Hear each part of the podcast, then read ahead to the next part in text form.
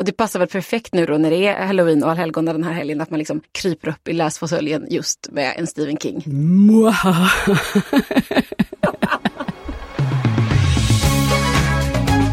Pocketpodden. En podd för dig som älskar pocket. Hej hej! Ett nytt avsnitt av Pocketpodden och idag blir det maktintriger, hemliga underrättelser och cyniska politiker. För det är detta som fyller spionromanen Åtta månader och författaren Magnus Montelius är på ingång. Och sen så här i halloween-tider blir det Stephen King special med förläggaren Johanna Hägerström. Tycker han är världens bästa skräckförfattare. Häng kvar för det. Nu börjar vi. Jag heter Lisa Tallroth.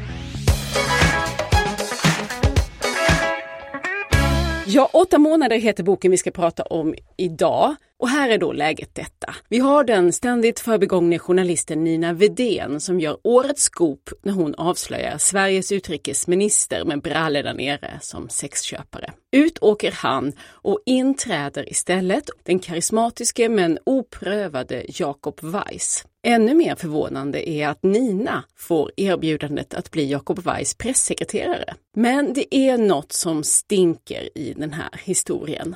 Det är det flera som anar, den politiska konsulten Max Boye, skjutjärnsreportern Erik Nisse, men alla blir snart varse att det finns någon eller några som inte drar sig för att tysta nyfikna för gott. Där har vi startfältet i spänningsromanen Åtta månader.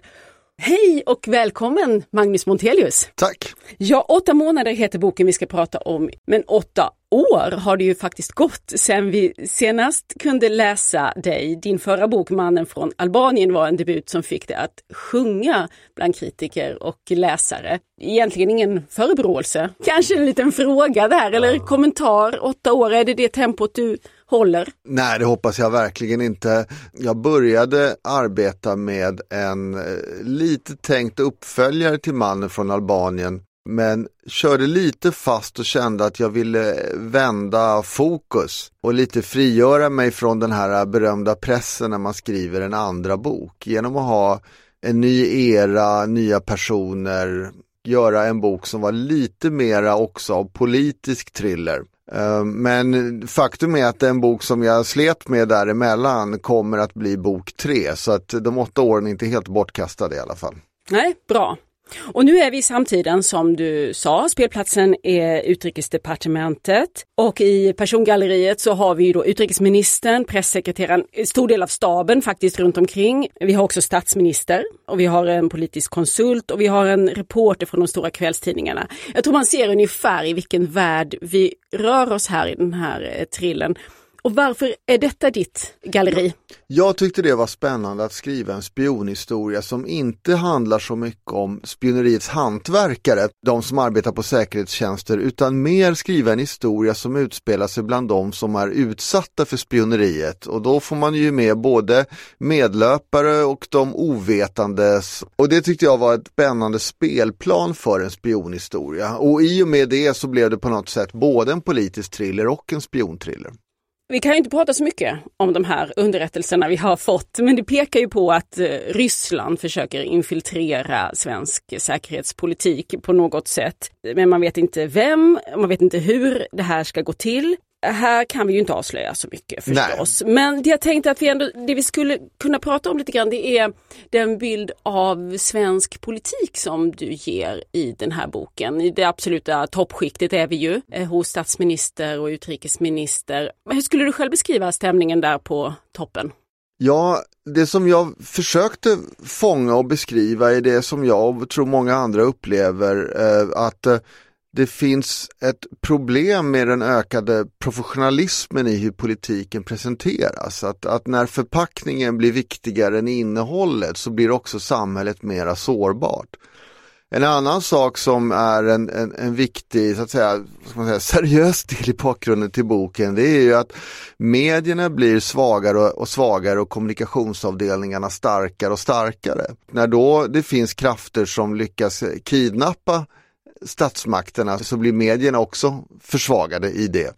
Och jag tycker också att det är tendenser som gör en historia spännande för att det finns olika dragkamper mellan våran demokrati och mellan de som försöker påverka eller till och med skälpa den och mellan makten och de som ska granska makten. Och det var därför också som jag tyckte att det var intressant att ha en pressekreterare som huvudperson därför att pressekreterare har alltid fascinerat mig den rollen och de är ju då mitt emellan makten och medierna så att säga. Så alltså, de är i, mitt i den här dragkampen. Gatekeepern. Precis. Nina Vedén. Ska vi säga någonting om henne då? Vad, vad är hon för figur? Hon är ju en underdog. Hon är en underdog och hon förväntar sig när boken börjar att hon äntligen ska få det här genombrottet. Och när den här som borde varit en stor framgång, avslöjandet, inte heller blir hennes stora break så blir hon ännu mera frustrerad och cyniskt. Och det är i den känsloläget som det oväntade erbjudandet om att bli pressekreterare kommer. Det är en formulering som i ett samtal här i boken som jag, som jag skulle vilja prata om. Det är då den här skjutjärnsreportern Erik Nisser på kvällstidningen som sitter och pratar med den politiska konsulten Max Boye. De är ju två viktiga karaktärer. Och då säger han så här att all politik är relationer. Ideologi, det är bara ett sätt att umgås. Som levande charader eller bokklubbar. En sällskapsdans som ändras när någon byter skiva. Är det så? Ja, vad, vad, roligt att du valde den meningen därför att jag tycker att det är en liten nyckelmening som Erik Nisser ger uttryck för där då. Och det är så han, han är en politisk reporter då som följer det politiska spelet och som också som reporter är mer intresserad av det. Och jag tror att det är väldigt mycket så. Anders Ygeman kan man ta som ett exempel att han profileras ju nu som den här eh, trygga, säkra, ordning och reda politiken men har egentligen en bakgrund i den, så att säga, i, inom socialdemokratin, yttersta vänsterflanken. Reinfeldt och eh, Kristersson, de tillhörde olika falanger eh, och drev egentligen då motsatt politik mot vad de sen gjorde som, som partiledare för partiet, till exempel i migrationsfrågan. Till exempel, för att bara ta ett exempel, det finns många, många fler än där följ med in just nu. Så att jag, jag, tycker att det finns ganska många exempel som stöder Erik Nissers postulat. Allt för att hänga sig kvar. Jag tror, jag tror att det ligger mycket i det där. Sen ska man också komma ihåg att när man skriver en, en, en roman så skruvar man ju upp de där sakerna man ser. Man, man tar dem ett steg till. Men um, har du någon tanke om varför det är så här? Varför det är så cyniskt där på toppen? Jag vet inte, men jag tror att delvis är det att professionaliseringen, det vill säga att politik är ett yrke. Det tror jag bidrar. Eh, det andra tror jag är att det, att det blir någon sorts eh, ideologiernas metalltrötthet, att när man har gjort tillräckligt många vändningar så blir både politikerna själva och samhället lite cyniska. Det tror jag är liksom den, den ena delen. Och att man också i högre grad för att vinna val följer det man tror är opinionen snarare än att försöka övertyga opinionen. Det är väl också en tendens som finns. Så det är väl helt enkelt vad man uppfattar som ett sätt att, att vinna val. En annan aspekt på det här som du också har med i boken, det är om då politik är relationer så är ju det sammankopplat ofta med din bakgrund, din klasstillhörighet. Och Det här är också något som jag tycker mig ana att du vill skildra och lyfta mm. fram. Och till exempel så har vi den här relationen mellan den socialdemokratiska statsministern, Agneta Lindgren heter mm. hon, första kvinnliga statsministern mm. har du gett oss. Och sen eh, har vi den här då exotiska utrikesministern Jacob Weiss som dyker mm. upp från ett helt annat håll, inte alls från det vanliga partileden. Mm. Vad är det som händer i mötet mellan dem?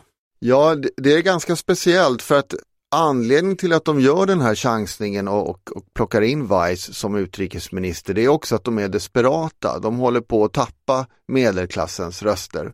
Och det där har ju hänt tidigare att, man, att socialdemokratin vill positionera sig för att, att bli en bredare kyrka som inte bara har LO-väljare utan också medelklassväljare. Det är viktigt för dem och så är det ju nu också.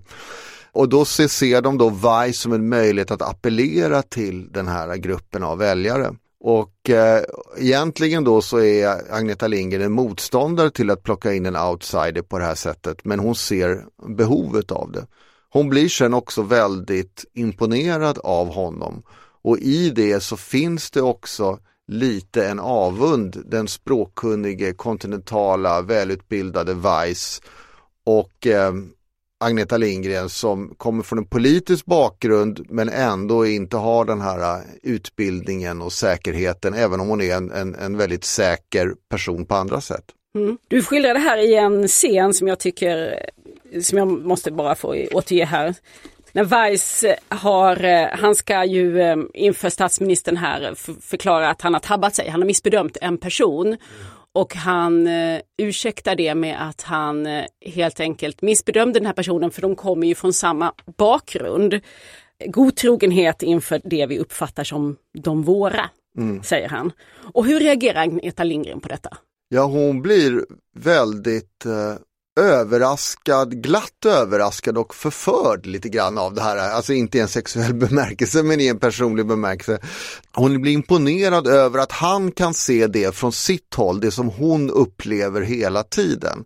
Och det här är en ganska viktig del i, i boken där hennes förtroende för honom ökar kraftigt. Det är någonting i hans självinsikt i det här fallet som appellerar till henne väldigt starkt utifrån hennes bakgrund. Mm. Hon då som eh, som du skriver här, dotter till ett kommunalråd, men det hade aldrig hjälpt. Hon har ändå Nej. känt ja. den här liksom kylan i handslaget. Precis, jag tror att det här är ganska vanligt. Jag har stött på det här hos väldigt många människor som identifierar sig väldigt mycket med en klass, vilket jag personligen inte gör av olika skäl. Jag, jag känner verkligen, jag hör hemma varken det ena eller andra. Och då har jag ofta blivit förvånad över att hur kan de fortfarande bära på det där så intensivt och tror att det oftast är en viktig drivkraft och en, en viktig del när folk, folk bär med sig den känslan som hon gör. Och han som är väldigt skicklig, han har då lyckats då pejla in det här. Det finns andra tillfällen då han refererar till sin bakgrund lite med ett snett eh, leende. Det, det vinner över henne, det sätt på vilket han distanserar sig från detta. Mm. Jag tycker det är en väldigt eh bra iakttagelse men eh, jag undrar om man verkligen kan vara så medveten om klass och ändå kalla sig klasslös eller utan, utan tillhörighet som jag hörde att du försökte göra här. Ja, nej men kanske inte. Alltså jag tror ju att um, visst så, så, så, så, tror jag att jag har liksom varit med om, om att ha känt mig fel i båda sammanhangen. Jag menar alla som någon gång har tagit av sig skorna vid fel tillfälle på en middag i överklassen, de, de, de vet hur det där känns att vara fel, att göra något fel. Men jag har också varit med om motsatsen. Jag hade ett arbete efter gymnasiet och av en slump så kom jag dit direkt efter studenten så jag hade mörk kostym och studentmössa på mig när jag hälsade på personalen. Och då var det en kvinna som fullständigt hatade mig blint hela sommaren. Så pass mycket att jag var rädd att vända ryggen till för vi hade krokar där man drog i mjölkbackar. Jag tänkte hon kommer att slå ihjäl mig. Hon var så aggressiv och jag försökte bara vara trevlig och ju trevligare jag försökte vara desto mer bekräftade det den här bilden av killen i studentmössa och mörk kostym. Och, och det där var väldigt eh, det var fascinerande för mig hur man så att säga kan hata en människa så utifrån ett första intryck. Hemma hos familjen Montelius, hur var det där? Tog man av sig skorna eller behöll man dem på? Ja, det var väldigt förvirrad eh, familjebakgrund jag har. Eh, min mormor kom från en typisk överklassmiljö men mina morföräldrar var stalinister och hela familjen var väldigt vänster. Eh, så att jag växte upp i en miljö där man är stalinister och har hembiträde. Förstår du, det är lite svårt att placera den. Um, lite schizofrent. Lite schizofrent så. Och, och i, i, det kanske det finns så att säga en förståelse för, för båda sidor. Nu protesterade jag väldigt kraftigt mot den här vänsterdelen då så att säga. Men, men det fanns ganska mycket olika former av snobism eh, in, inom den här familjen som jag växte upp i, skulle jag vilja påstå. Men det var ju fortfarande inte på något sätt en riktig överklass med pengar, tvärtom. Så att eh, det är nog lite både och. Så jag, jag, jag har känt mig väldigt fel åt båda håll och det är kanske ganska bra för en författare. Mm. Säkert. Och det, det, jag bara ser att det sipprar in en del av det här i eh, romanen. Men vi börjar glida lite bort ifrån din spionthriller, eh, åtta månader. Det var jag som är så nyfiken på det här med klassbakgrund och så. Men för att du du har ju ett annat liv. Du jobbar ju själv gentemot politiska uppdragsgivare. Ja. Inte med underrättelseverksamhet men med handfasta saker som vatten och ledningar ja. och... Eh, ja, precis. Organisationer för vatten och hur man ska investera. Ganska prosaiska saker får man säga jämfört med den här romanen. Så jag bara undrar ändå, när vi ändå var inne och pratade om det här med politik. Har du fått någonting med dig av den verklighetens politik och politiker som du möter i ditt arbete? Jo, men det har jag. Det är, två delar i det där. Dels är det klart att jag har jobbat mycket i Östeuropa och forna Sovjetunionen och runt om i världen och i, i den typen av uppdrag så jobbar man närmare politiken. Då mm, har man absolut briefingar av ministrar och sådär ibland. Eh, så, så där kommer väl eh, den, den inputen och sen så jobbar jag ju som du säger då mot eh, politiska beslutsfattare många gånger i olika former. Men i frågor som inte är så ideologiskt laddade. Men sen så har jag ju då genom det där arbetet lärt känna personer som gör, gör det mer. Så att jag hade intervjuade då till exempel Carl Bildts eh, förre pressekreterare från när han var utrikesminister. Så att, och hon var ju en fantastisk källa för mig för att få detaljer rätt kring det här. Eh, sen skruvade jag till det och gjorde, gjorde min egen story av det. Men hon gav väldigt bra bilder av hur det fungerade. Så att det är inte så att jag haft erfarenheter som jag bara kunnat plocka ner från hyllan utan jag har fått göra en hel del research också. Mm. Vad har du för litterära förebilder? Jag gillar väldigt mycket engelsk anglosaxisk litteratur uh, och min uh, favoritförfattare är, är, faktiskt Somerset Maugham. Han är ganska bortglömd nu men, men han är en favorit och Paul Theroux, Ian McEwan och av spänningsförfattare så tycker jag väldigt mycket om John le Carré. Tack så mycket Magnus Montelius för att du kom hit till Pocketpodden. Tack! Åtta månader heter den spänningsroman vi nu har pratat om och som alltså är aktuell som pocket. Du lyssnar på Pocketpodden.